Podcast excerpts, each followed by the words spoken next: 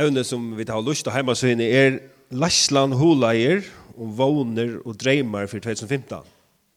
Jeg har til å få en mynd opp av herbeint. Uh, hadde grunden nere i løtene, så vidt dit hva du i mine dreimar og tankar er i 2015, right? Hadde det som jeg husker om, hadde det som jeg drømmer om. Men I stedet for at færa at tåsa om alt det arbeid som vi vana, kommer skaft i 2015, så har vi hod til at tåsa sin til meira om grunderna. Og jeg har sett et skriftsted inn og jeg har myndene som stender i fyrra brev og Paulus er samkomne i Korint, kapittel 3, vers 11. Æra grund kan nå ånden letja en herna og løgt er til er Jesus Kristus. Så Vi tåsa om eina grund, eina betonggrund, og vi tåsa om eina grund. Um, henda grunden, altså betonggrunden, hon er tekna, og hon er berokna til at bera öllum byggningen oppe. Grunden, hon skal standa imot vannrøtten og lottrøtten krefton, og allar møgulega kombinasjoner her i middelen. Bygningren, han skal kvila og av grundene, og bygningren, bygningren han skal forenkrast i grunderna. Spyr bare Arant, eh, betongverkfrøyngen Mikla i Førjon, den beste halvtid, eller er det Preben, jeg vet selv. Betongverkfrøyngar tar kjenna til alle hessar hessar eh, hessar her eh, funksjonerna som grunden er berokna til å gjøre betonggrunden, at kvila, at forenkrast i hesson. Men er av grunn kan nå ungen letja en hana og løkter til Jesus Kristus.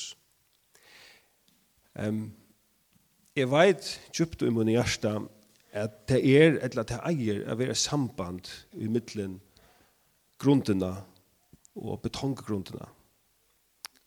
Ofta så har jeg så torførst vi har sett av år og heter her samband i middelen til. Jeg vet at Kristus er og skjønnelige grunden som er bygget mot løyva, Men betonggrunden er, kjølt om hon er verilig, utøkelig, utrokna og trygg, så er hon bare betong.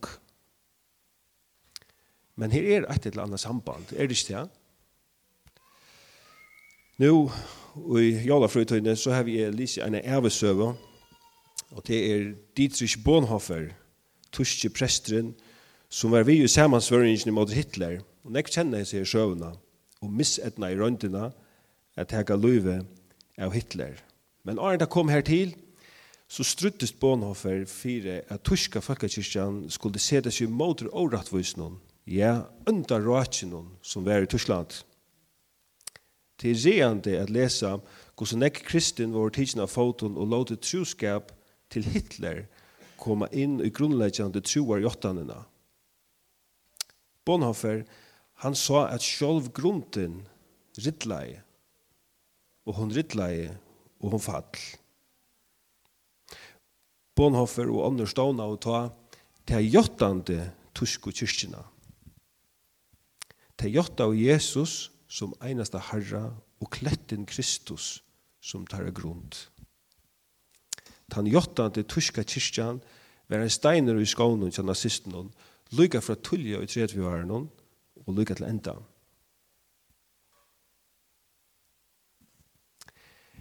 Hevur du hugta á til lutuna? Leita undir truar jottan. Her sørst du at lutin eisne er ein til samkomma. Vi jotta goddomlige truendna, Vi jotta uiblåsta orre, Vi jotta frelsina og vi jotta ævanleikan. Lutin er ein jottandi samkomma. Vi bytja av hesa grunntina som eiter Jesus Kristus. Grunden. Vi gjotta ikkje betonggrunderna. Vi gjotta Og rattvise og ønskabren, han tok til i Tyskland i 1930 årene. Til enda så gjør det greit for Bonhoeffer og vinnen hans her at en hemsbardeg får et la være lykka vi at presta av Og fylgjene der får jeg være rævelige. Ta hvert at her avgjør du at legge atlaner om at myra Hitler. Men gosse kan en jottande kristen myra et annet menneske? Fyr Bonhoeffer og viner hans er verda greit. Ta skjøtte vi kvann annan. Her til har vi gjort motstøv vi at jotta. Nå må vi jotta vi er gjerne motstå. Så gjør det hvordan jottingen leier til handling. Nå er tryggven og Herren Jesus blir en virkjen og tøtjelig. Nå Nå er, er, er tryggven utøkjelig. Nå er det betong. Så gjør det hva det vil vi hesson. Det er samband i mittlen grunnene og betonggrunnene. Ja, dette er bare betong. Og vi må som samkommer minnes til at vi bygger ikke bygningen for bygningens skuld. Jeg får at året er på tannmaten at vi gjør Jesus som herre vi er bygger bygningen. Kun vi gjøtta herren uten å bygge bygningen? Ja, sjølvande. Men Herren, han har lagt okkona hjärsta og en særlig hatt av er skjønnelig og uthøtjelig til steder i Høyvøk. Og tog sier er at vi gjøtta Jesus som Herre vi er bytja ta nødja bygningen. Kanskje synder radikalt å si, men så er det sånn det. Våner og dreymar for 2015. Jeg våner jeg vidt, først og fremst i sjolvor, du er suttje, du er betur at suttje atlan gods i munnen personliga liv og i samkomne og i føreska samfellan. Mune dreymar tar er nekv her gosse lengt koma vid vi a bytja. Og i drøyme verligen at vi koma lengt. Men samståndes må vi då bedre skilja og asana sambandet og i middelen til andalega og til utøkselige. Så vi dvärliga kunne säga at betonggrunden stender av grundene som er Kristus. Godt nytt her. Jeg er ikke eisen ikke at jeg kan ødele om godt nytt her. Jeg får takke tankene jeg sinde borster fra betong. Og for at til det, faktisk jeg sindre at til det som vi begynner i dag i dag vi, det som Hadler snakker i sindre om. Jeg får hodet jeg løsindre reisende ut fra Johannes. Johannes at det til grunnene, samme grunn som Johan Eisen tåser om, som vi sjålen tjokk ned, og til Jesus Kristus. Han som kom i hold og tok bose med nok. Han var fotler og i nøye og sannleika. Han er nøye, og han er til han som er nøye ryker og mot råk. Og han er eisen i fotler og i sannleik. Han er sannleik. Men gang, så tryggva vi synden. Vi tryggva ikke sannleggen noen. Du tar det som hendte, ta i Adam og Eva synda vår, ta det tog jeg trener ta det seg først mest til at hei våre, det først at hei mest til at hei, at hei følte skam. Det var nærkjent, hei følte skam. Så gjør han høtt hei øtta. Det var gømte seg, da de hørte Jesus, det var øtta for Jesus, og gømte seg. Og ta ut det som sier at du tatt finne det av skammene og øtta noen, Ta i så Jesus spyr, hver er ditt? Så røyner dere skilden av under. Hatt det her som vi alltid lever i, og tog var det vi hadde bruk for å få nytt liv. Og det er det som Jesus yngste, og det er eisen det som, for at mynda okkon, men da mynda meg først og fremst etter nytt året, at vi og skilja det her, at jeg hever et nytt liv i Jesus. Og det var det som for åkken, at livet for han heter kommende år. At det som han låta i det, at det er han kom, som var jo sannleggje. Vi leser vers 6 i kapittel 1, at og han var fotler i hele andene, og det var at det nøy om han var nøy. Og det var det som Jesus, alle togene yngste, er viser at han var. Jøkken alt Johannes er evangeliet. Så viser han kærlighet, han viser hvordan nekv han elsker dere for at vi ikke skulle føle seg fordømelsene som naturlig ligger i en kvørn av oss. Jeg føler selvfordøming, for ikke jeg føler selvfordøming, så kører vi det ofte ut av andre mennesker, tyvärr. Så tog kom Jesus, og til det her, mot innskje er for åkken ød som samkommer, at vi atter og atter kunne leve, etter noe av livet, som det eier, og Jesus i Kristus. Ehm um, hooks efter det som Hatlen nämnde nu sjön vis blir man teachen efter att tusen gånger fyra så här det. Och hetta som han efter låta i morgon är att första döme som Jesus visar för lärarsvännerna någon i er kapitel 2 ta han ger vatten till vin.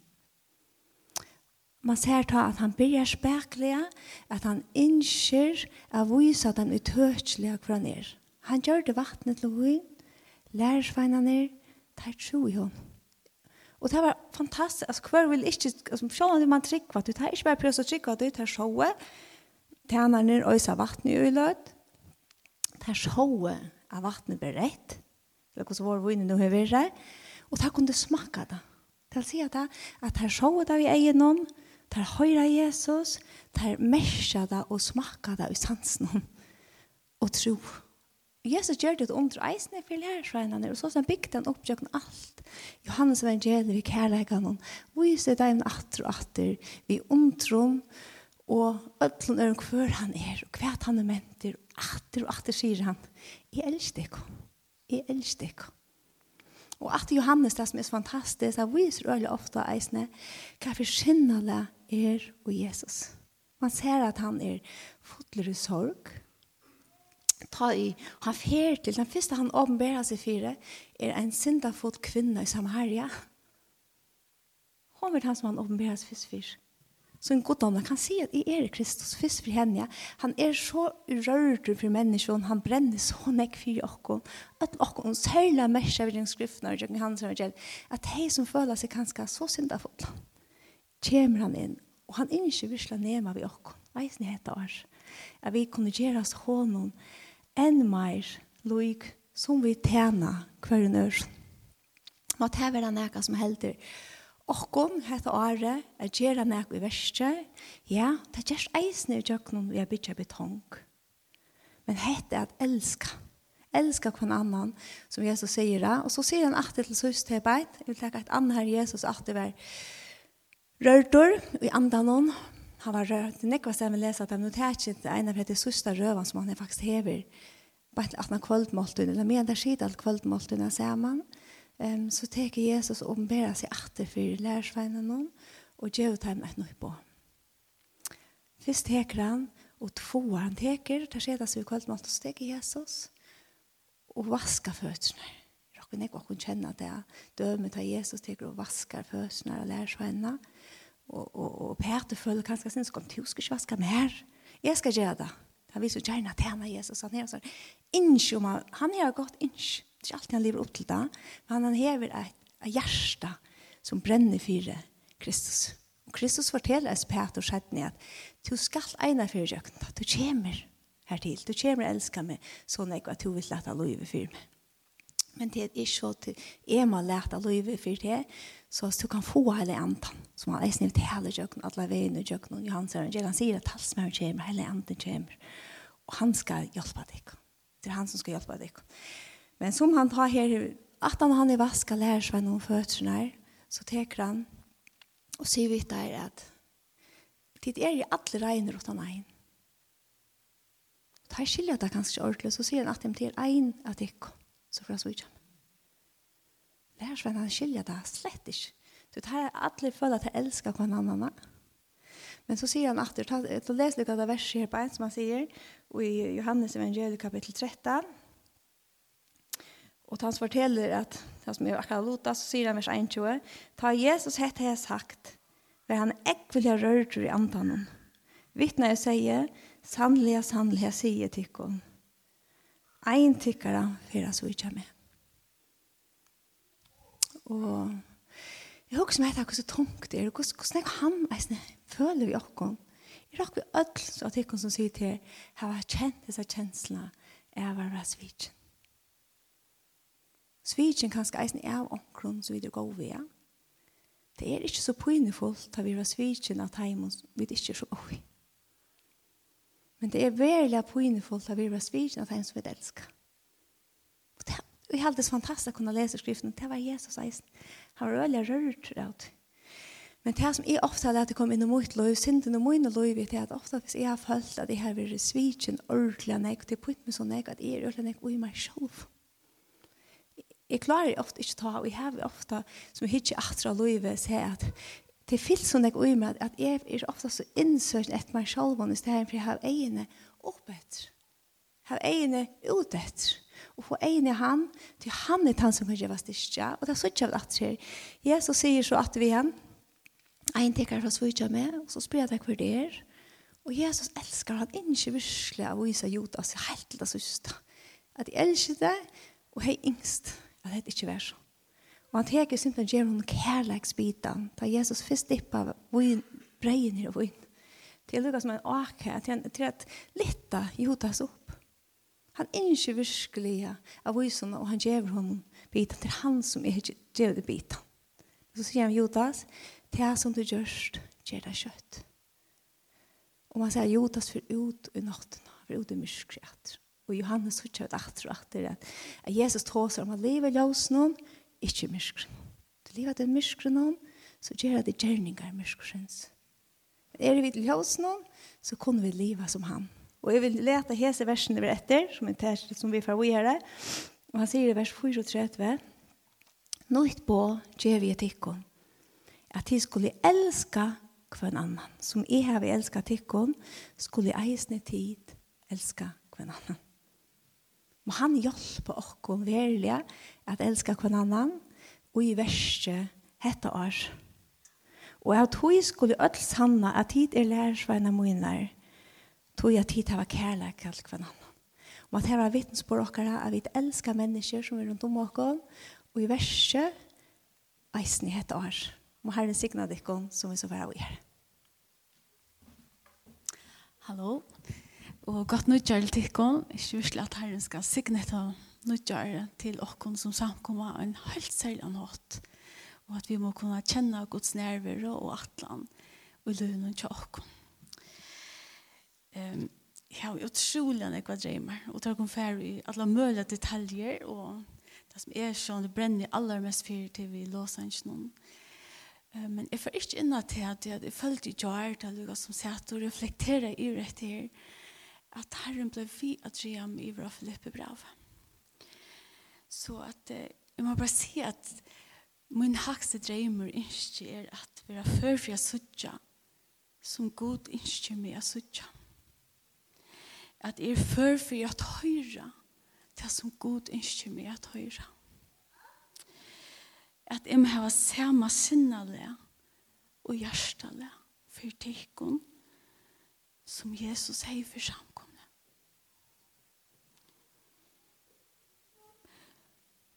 og at vi må hava til østene for hver ør og hese samkomne. Filippra 2.5 sier, «Sama sinnale ver i som ver i Kristi Jesus». Vi er godt førfyrir ned til Kristus bor i okken. Og Kristus er grunden som vi bygger, er det ikke det? Min dreimer er ikke å velge til å bygge Kristus. Kristus.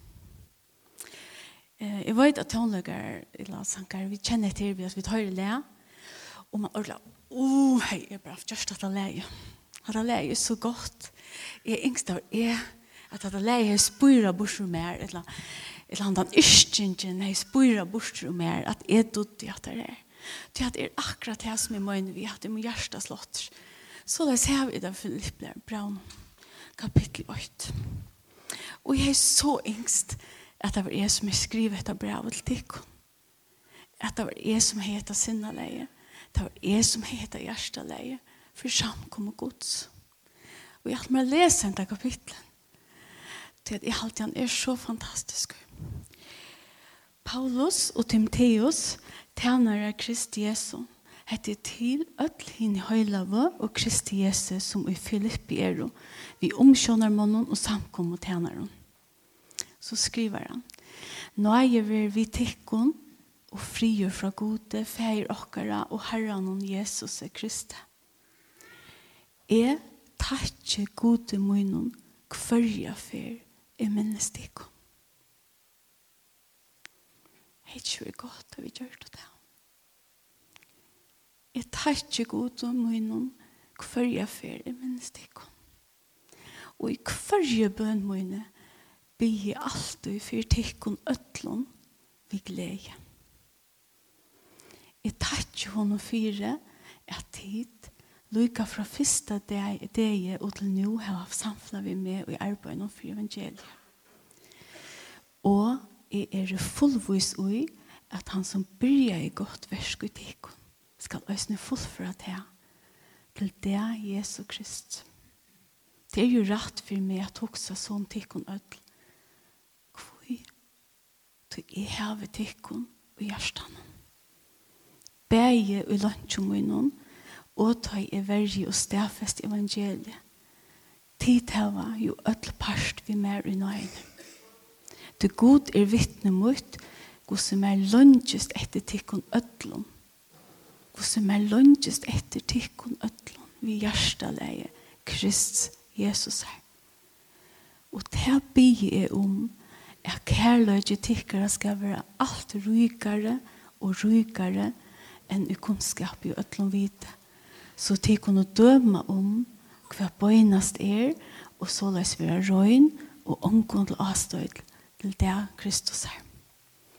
Fyllt vi rettvises avvekste, som virka vår verur vi Jesus i Kristi, gode til dord og lov. Jeg vil at jeg skulle vite av prøver, at det som mer hever ver fyre, hever heldur ver evangelium til frema. Du her vi er vår i atlare, og lov vaktene og øtlån hinn og skyldot, at det er for Kristus er skuld er i lønnsjon. Og henne flest av brøren heva vi lønnsjon munnen, og i alle de herrene finnes enn mørder vi at hele årgods øttaleser. Vurst er og oss nekre som prætika Kristus av øvund og hovedelstrui, og men er gjerra til at tog av god vilja. Hesur gjerra til av kærløyga, vitande at er settra verje evangeliet, men hinner prætika Kristus av træte sjuk, ikke av røynon hoa, men i torra hoan at letja trångt at træt lunch Kvært så, Kristus ver ta prætika vår, og gos er ver ta nu fyrir åkt øyte etla av sonnen, og ta er i glæver om, ja, jeg skal øsne framvis glede meg. Tog jeg vet at dette skal være mer til frelse og vi bøntikkere og hjelp for andre Jesu Krist. Så er det vers 20. Det er troen og vønmoen at jeg i skal være til skammer, men av Kristus som alltid, så nå vi, skal vi øtlån dyrve være dyrmetter i lika med munnen, være til nå vi løyve etter vi deg tog at livet er med Kristus, og degen er vinninger. Men om det at livet i holden og gjør mer avvøkst av verstimunnen, så vet de ikke hva de skal velge. Men standi iva sen, mittlen hesebeg. I av hoa færre hiane og vera tja Kristus, tui det som menga, menga betre. Men at vera verand i holden er neuar for tikkra skuld. Og vidi at er viser he som veite, at jeg skal leva og være verande til tikkun ødlun, tikkun til frema og glede i trunne. For jeg rås tikkara og Kristi Jesus skal være iverflå vi mer ta jeg kom til tikkara atr. Berskol og tid liva lov som høskant er evangeliet Kristus. For at jeg, om jeg nå kommer og suttje tikkun, eller er fraverande kan få at høyre om tikkun, at tid standa først og i øynene andan så tid vi øyner skal berge saman for trunne av evangeliet. Et er nekka bergast fyrir tid. Og at vi til ångon lett okkon reie av motstånden. Til tøym og mestje om undergeng, men tikkon om frelse og ta fra god. Tikkon vær jo give for Kristus er skuld, Ikke best at sikva han, men òsne loja for hans skuld. Tid heva jo samas troi som du så ut av mer, og nå høyre om meg. Nå kan jeg ikke ordentlig gjøre sånn samme kontekst, noen kan skrive et brev som han gjør, han er jo lunsjen og pointer og plager, men jeg husker meg til den andan som er i som brev, etter vi at jeg vet at sinne sinnelei og hjerte hjertelei for kvarnør. Det er um, i ødel for min dreimer om meg selv, at jeg og han er ikke overlig sin dreimer. Utan grunden er bytja av Kristus. Kristus Et er også en sindru travi, det som vi tatt i sarepta levende, som viner omgangsduin, at, at vi vera viner hvers annars, og vi bera byrnar tra hver annars. Hette er min troa, Hette er min dreimer Dreimar, vi tar dreimar, vi tar nekva dreimar. Men hvordan kunne vi oppfylla det? Jeg får beina vi hukse om tar fem søylene til åkken.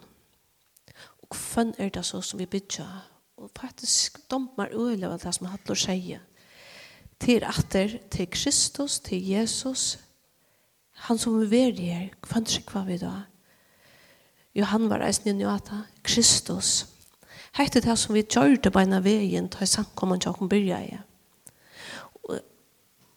Til er Jesus. Og som jeg ikke husker i eisene, så var det sånn her sangren som lukket som ble vi og med alle høttene om meg.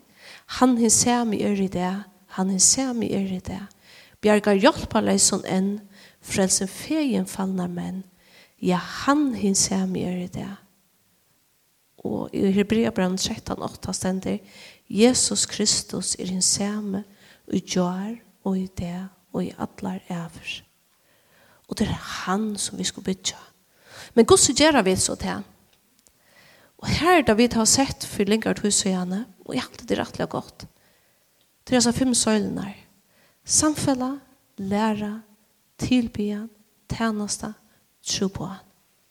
Tro på han, nå hørte vi hatt det fremme i gjerne, vi snakket jo om det senest, vi skulle gjøre det enda mer. Jeg så ikke for jeg var faktisk rettelig glad, sørste sånne der som vi tok til etter tog, hvem stoler vi, hver hjelper vi ut i verden, at vi fortsetter vi tog og gjør det enda mer. Men eisne er vi kanskje sette noe mer ting i versk her, og som Gunnar tog om at vi lekser hjelpene, det er så nekva mater av noe ut næromkvarve og vujer ut Læra, nu får vi det her hva jeg sier tingene men til tuskvald, læra, til læra her, at vi kommer kjenne Jesus enda mer til ben som Anna kommer i sendren nå. Det kan bare være sanje, men eisen er at okkara liv må imerskjast meira og meir kvann vi bytja i okkara lusførsla, okkara tilbedla hansara i okkara daglige. Samfella, at vi kommer hver nør om vi, og som hun sier, Nuh på djevet ikkje, tikkun, elsker hver annan til samfunnet i okkar middelen. At vi tar samfunnet til løtene som er middelen med i møtene, men eisen er vi kommer hver en øren vi hinner det gjerne i vikene. At vi virkelig er i en familie. Men ta kommer eisen så tænast det inn at vi nå vujer det ut at vi kunne tæna hver en øren, ta i tørvere at vi, at vi kunne tæna vi Alltså tingsne noe som flattast inn i hverst anna at vi gjør det som en tilbyen eisene, tar vi til henne. At alle togene må eisnes det av hvem bytja vi da Kristus i grunnvalleren. Her er det nok snakk. Hettar året skal virkelig eimørkjast av at Jesus er hans hjemme. Tjers vel, jeg kan.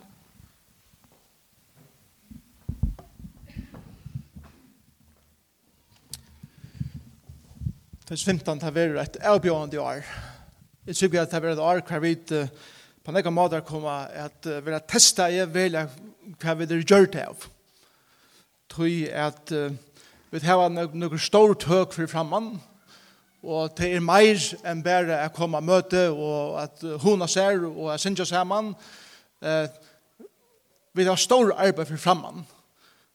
Bæg vi degensteinen, men eisen vi livandesteinen. steinen og vi, vi legger et grunderle, som han tar seg om, men til tøtninga mest av grunderle er hva standa vi da, hva standa liv okkara av, hva standa vi fyrir som sankoma, hva tryggva vi, hva, hva er det som vi bytja av som sankoma. og Sjån fra vidt vi vet er fortsatt av røyna vi vujande predikarnum, Og som er vanlig, selv om predikeren hikker at løyven fra en øyla pessimistisk skjønner meg, ja, så er predikeren i skriftene vi tror for eia, er gjev kun et fantastisk skjønner meg om løyve, om fafangt av løyve. Og er vanlig at ta vi koma til endan av røyene i predikeren, at vi færa at liva løyve såleis, jeg vil ikke si at det er fafangt, men at løyve er rukt sammen med godet og at vi som gengur løvdene, fer å være kjent i okkara bøye, i okkara lande, som de folkene som er de beste arbeiderne, de beste stjårene, de beste, de beste skrivstående, de beste lærerne, de beste sjukasøstene, de beste i arbeidene som vi gjør. Tøy er at vi suttje er god er vi ui og vi øtlun som vi gjør som samkommer. Så er at rujje gods ikkje berre er sunne morgon, men rujje gods er å være parsa ötlun som vi gjerra. Til endamalet vi i samkommende. Og tog er det eisen områdande for og i år, særlig som, vi, seda, som Johan sier, støyping og til konkreta arbeid i samband vi grunderna som vi bygger av, som er Kristus. Så fyrir vi til en ære rød og i vetur, som, som fyrir tega alt året. Og det er simpelthen en affær å gjøre alle grunnlærerne som vi bytter om. Vi får hitje at, uh, som Johan sier, hvis vi får inn av heimasyna, så sørger det troar jottene som lutene. Og vi får teka uh, nære sunde er at hitje er at okkara troar jottene. Og spyrja spurningen, hva er det som vi trykker for vi vikjende god til færen og, og skapane versen? Hva er det som vi trykker for vi vikjende sånn og krossversen? Hva er det som sikra vi viser hele andan og lyven og i hånden? Hva er det som sikra om sankoman er? Hva er det som sikra om eh, synd og i lyven? Hva er det som tar vi tås om englar, tar vi tås om framtøyna, tar vi tås om ötles tingene som vi bygger oss i sankoma? Hva er det vera som vi sikra? Så så vi kunne tås konkret om det og, og vånande eisene er kunne bruke anker tuskvöld at tåsa vujare om det som vi har sagt sunnumorgon så, så vi kunne heva ikke bare en, en monolog men eisene en dialog om hese tingene som, som vi bytja om Det er jo konkrete visjoner hvordan jeg er fra talerstolen i 2015 til jeg ferdig kjøkken og teg tingene. Jeg oppgjøvende år, for fremme i år. Et år hva vi færa vera testa igjen, hva vi er gjørt av. Det tykker vi. Det høves endamålet til åkken er at føra mennesker som er lengt fra gode inn i et innelitt og tatt samfunn vi god. Som folk kjenner seg ikke god enn, er lengt fra honom, men endamålet vi samkommende og tog som vi gjør er at vi slår vi til å føre mennesker inn i et tatt samfunn vi god. Og som vi, som vi, er å komme å kjenne Jesus, og er jo en samfunn god, men vi er å komme enda nærmere. Det er den avholdende prosessen i livet med kjøkken. Hvordan fikk det så ikke ut i 2015? Og vi det var en setning som vi bygget her av i 2015 som Lashla og som Sankoman. Og til dette er vi bygget en grunn som fer å kunne leva fyrir annor heldur enn okkun sjálf.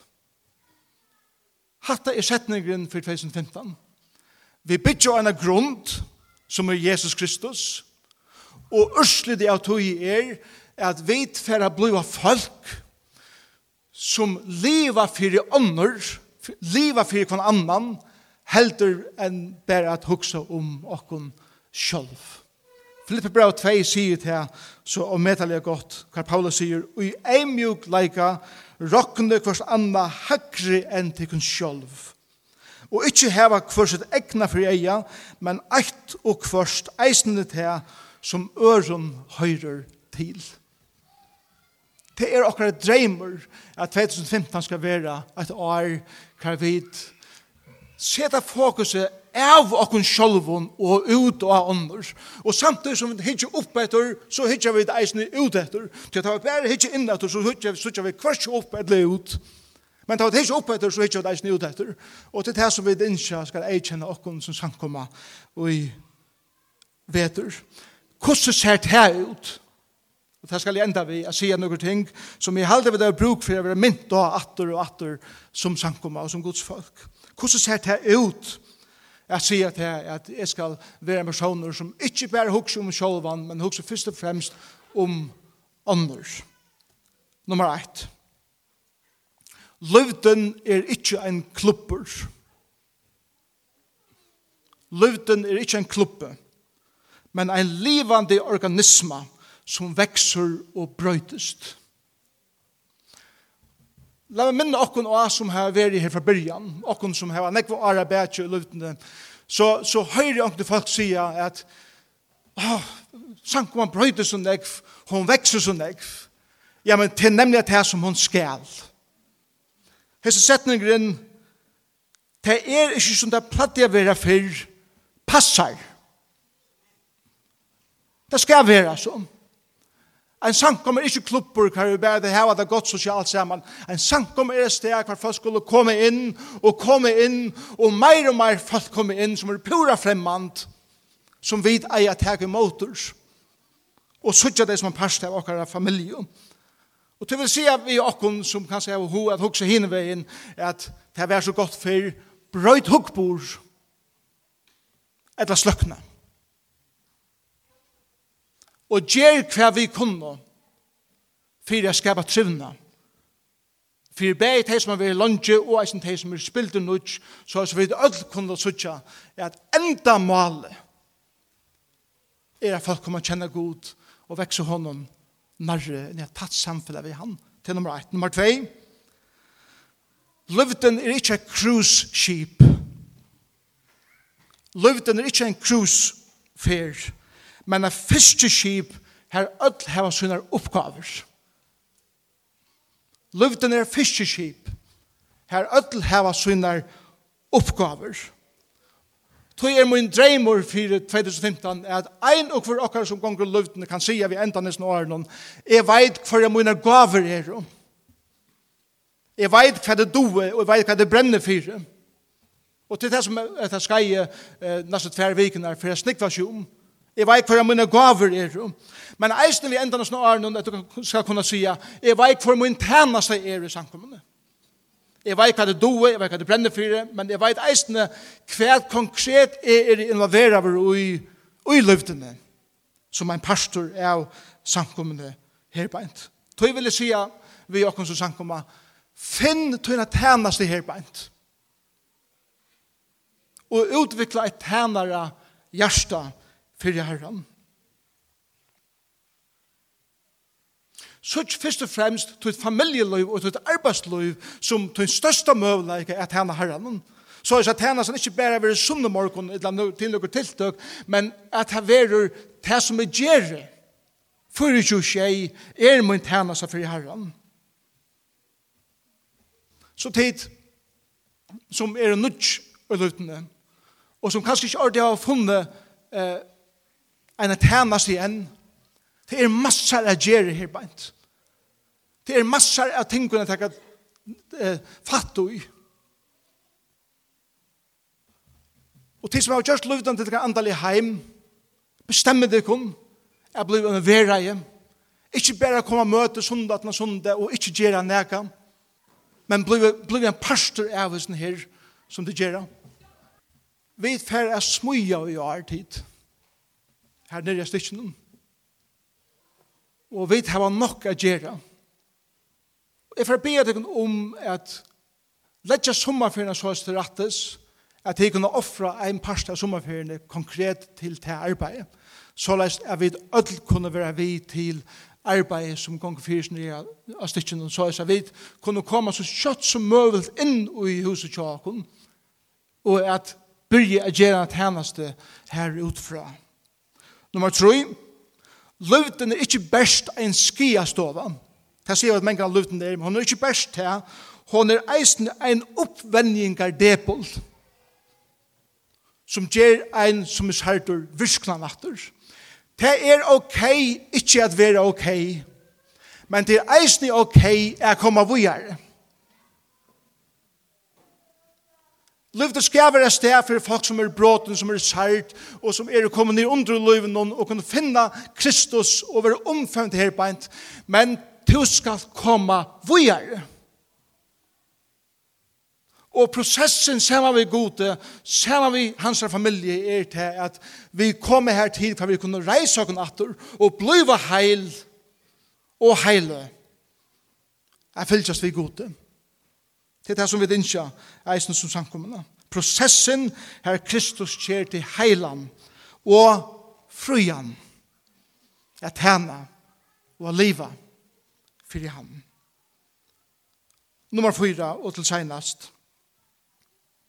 Og i løvdene er vi ikkje okkar egnu herrar, men vi liva under herradømme Kristus her, og vi fylltja hans herra firemynd, Sama sinnare vi tikkum som vi er i Kristi Jesu.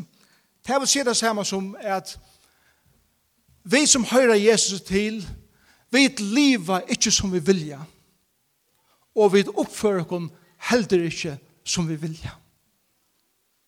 Skriften viser oss hvordan vi eier at liva, og vi eier fylgja skriften i etter. Og ta i synd kommer i nokra liv, eier vi å vende vi fra tog og liv, liva til livet som god innskyr okkon at liva. Under snir eisne, er livet fyrir ånder og ikkje fyrir med sjálfan. Det er tess meira er livet fyrir Kristus og fyrir ånder, tess meira oppfylling fai og i meg sjálfan. Livet gonger ut etter, ikkje inn etter. Livet gonger opp etter og ikkje inn etter. Og til seinast, jeg trykker vi at 15, fyrir jeg vera slukt år, er, samtidig som det er utrolig avbjørende, så får det livet eisne tryggvige og vanlige og drøymige om. Er det et år kan vi få suttje even naturlig ting henta. Og i samkommen her bænt. För even naturligt för oss för att bli mer och mer naturligt. Tog att vi kommer in i en dimension som vi har suttit och vi får suttit hur så god för att ombröjda människoliv. Hur så god för att föra människor in här på en som är längt från gode och kommer känna han som sin frälsare. Kan vi komma suttit människor som är nyerbråten vara litt upp Mennesker som er sjuk vera grøtt. Mennesker som, som er knust sunder vera sett saman at du vil gjøre heil og gjøre Jesus Kristus. Og vi er vi og i tog. Vi er en pastor av at sleppa av vera bygd opp og at suttja god gjerra, stor under. Jeg trykker at god er en undrunar god. God Og vi har bruk for det samtidig som vi støypa, og alle disse konkrete tingene, tingene er at stilla stålar opp for det, og at stilla ljøanlegg opp, og gjøre kaffe, og alt det som kan gjøres, som er konkrete ting, for at dette skal kunne fungere.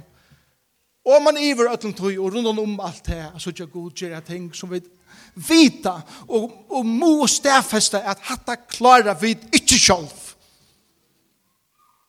Bæra god eier ærena for hattar. Og vi har bruk for å reise oss sammen som samkommer og sier, hette er det som vi trykker. Det er at vi har egne vent opp etter og ut etter, så for ønsken, for ønsken mørk av hver fire, hva god for å gjøre inne i løyven og tjakk for en enstøkken, som har gjort løyvene til sitt andalige heim, samtidig som vi utvikla en attityd i at tjene, og at standa vi oppnån faunen, fyrir nudjum folken som kommer inn her på en, og gjerra teg til en parst av familjene som høyr Kristus til og i luftene. Samtidig som vi sutja er vi er en pastor av en nekk større enn bare luften. Og til samkommer Kristus er rundt i Torshavn, rundt i Førjon og kring Atlan knøtten. Det har vi bruk for at lære reisene. Så jeg får be samkommer reisa seg. Og jeg får be en bøn om at her visjoner som Lashland hever eller at her dreibene, rett her sagt, som Lashland hever lota i det. Skal være nega som vi ødel som sankumma vilja omfevna. Men så vil jeg si etter tre at Arn er bie. Det er visjonene og dreimene for luftene er eisne og i en og kvarjon som har luftene til. Det Det er eisne tikkar dreima for Jesus sankumna som er tuttnika mikler. Og tog er det viktig for okkon at høyra tikkara dreimar, tikkara visjoner, tikkara innskjer, tikkara passioner for imso som er i tikkara løyve er gjerra og er for Jesus Kristus. Og tjokken ter gaver som han vil givet dikon, og ter kall som han vil kalla dikon til. Så lote det, trøyme det harst, så har vi öll kunne være pastor av at uten at televisjoner som ikke bare Lashland hever, men som öll samkomman hever er gjerra og Jesu navn. Det er såleis en samkomman fungerer. Samtidig som vi bodjokken, okkar knø, fyrir okkar fire gengara og okkar fire døme Jesus og livet och liv til ære fyrir hans herre navn. Så vi be sammen. Herre Jesus, jeg ber deg om at her visioner og tar dreimar som, som vi heva for uh, tøyna sankum i herre skulle samsfæra vi tøynar. Det blir det først og fremst om. At under dreimar og visioner som vi heva som ikke er fra her at du bare skrikva til borster og djeva kun tøynar. Men vi vet at grunn av tøyta år at du er innsjøkken ui år. Jeg bytja en grunn som er til Jesus. Jesus så det lest vi byrja liva fyrir ånder heldre enn okkur sjálf. At hitje opp etter og ut etter heldre enn bare inn etter. Vi vet vel at vi har bruk for hitje inn etter først, men her skal fokus ikke være konstant. Og vi ber at herre om at du hjelper oss at skilje etter at det er ok for oss ødel, ikke er ok for først, men det er ikke ok at komme videre og byrja blomstra og æra tutt navn og jøknum akkurat liv og akkurat samkommet. Herre, jeg ber for en og kvarjon som er her i morgen, som stender oppe og, og innskjør at vi er vi i sin her. Og eisen time som høyre til, som ikke er møte i det, at du vil samegne okken, Herre, og i Jesus er navnet. Og i ei mjuk leike er råkna under høyre enn okken sjolv. Og at er at ut navn, og at fylgja tunnen, tunnen er firemynd, og tunnen fotanspørren. Jeg sikne dette åre og Jesa navnet, og jeg blir herre om at store arbeid som ligger, ligger framfor dere nye stikken skal være et arbeid som samlar dere sammen og knyter dere sammen og en hatt som ikke er mulig på ære mater. Og jeg blir herre om at dette åre at vi verdes til sånn framgång, som det norske kjøkken slipper inn at livet under egnon tætje. Herre, vi takkar deg mest av ötlen for ditt krossversk, ta du røpte til fullgjørst. Og vi takkar deg for at du reis oppater, som, som gjever okkom vogn til livet og dagen i det. Og vi takkar deg for at du er livande og du gonger saman vi okken her som vi der. Og i okkara tempo, vi først heldur du okken atur, vi, vi først halar du okken fram, og hjelp okken a genga og i tøyne gongleie, Herre Jesus. Vi prøys og takkar det heilige andre for du borstå i åkken, og vi ber det herre om at vi det og her skulle løyva til herfram et, at gjøre even at høre ting, og i akkurat løyve, og i djøkken akkurat løyv, og i akkurat sankumme, og i djøkken akkurat sankumme, ut til teg som hungra og lunchast etter løyven og samarbeid her. Og Jesus er navn. Amen.